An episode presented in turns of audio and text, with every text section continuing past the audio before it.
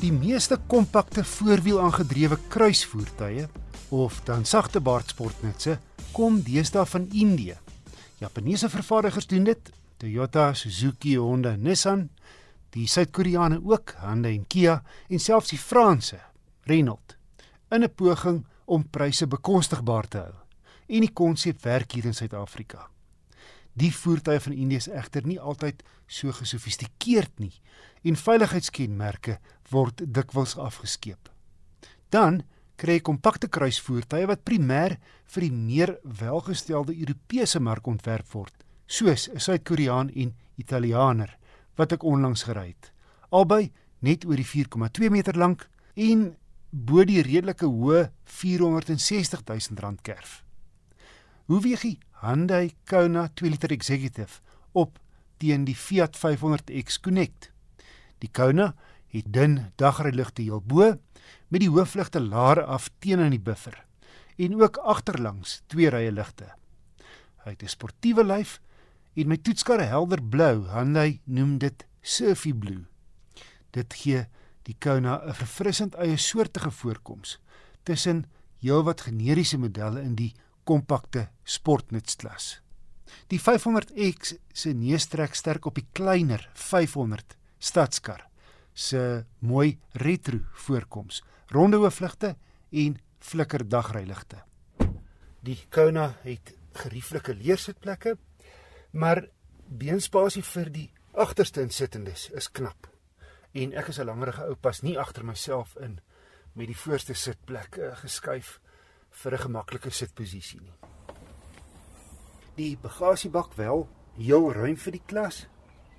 En 'n paar interessante dinge op die bodem is hier 'n vangnet gemonteer met vier punte op elke hoek waaronder jy goed soos winkelsakke kan sit en dan skuif dit nie rond nie baie handig en dan ook as jy die bodem oplig is hier nog 'n kompartement hier onder wat dinge soos skootrekenaars kan huisves heel onder kry jy egter slegs 'n dun spaarwiel die 500X gee vir jou 'n volgrootte spaarwiel met die kattebak so knerts kleiner as die Hyundai se maar in die kajuit wen die Fiat loshande. Binne is dit die Fiat 500X se ruimte wat opval gegeewe sy buiteafmetings. Heelwat hoofruimte, skouerruimte en 'n beenspasie, nie net voor nie, maar ook agter. Albei goed toegerus met netjiese paneelborde en sentrale skerms. Android Auto en Apple CarPlay kom standaard en verskeie USB sokke. Die Kona het ook 'n selfoon laaiplek voor die radkierie. Albei het outomatiese reënveers en hoofligte, tog beheer, parkeersensors agter, 'n trikamera en banddruksensors. En verder ses ligsakke, traksie en stabiliteitsbeheer. Die Fiat het egter nie leersitplekke nie, maar ook parkeersensors voor en lane hulp.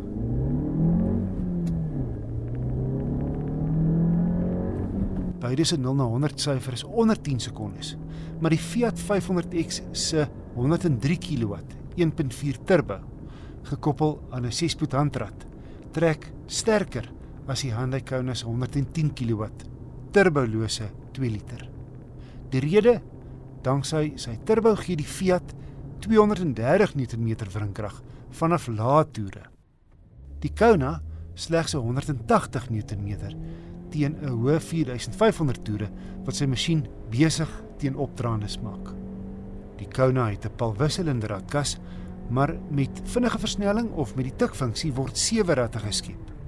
Wel verrassend is dat die Kona op my gekombineerde stad en ooppadroete 'n halwe liter per 100 km ligter was op die sous.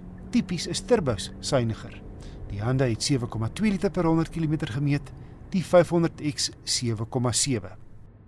My gevolgtrekking Fiat se 500X Connect teen R461900 en die Hyundai Kona Executive teen R471500 kom nie goedkoop in die klas rygoed nie. Maar albei staan uit met hul individualistiese ontwerpe. Verder is hulle standaardtoerusting, veiligheidskenmerke en aanvoelbare kwaliteit beter as die klas gemiddeld. Terwyl die Hyundai 'n meer sportiewe voorkoms het, is dit die Fiat se kragtiger enjin en ruimer kajuit wat die Italianer my keuse maak.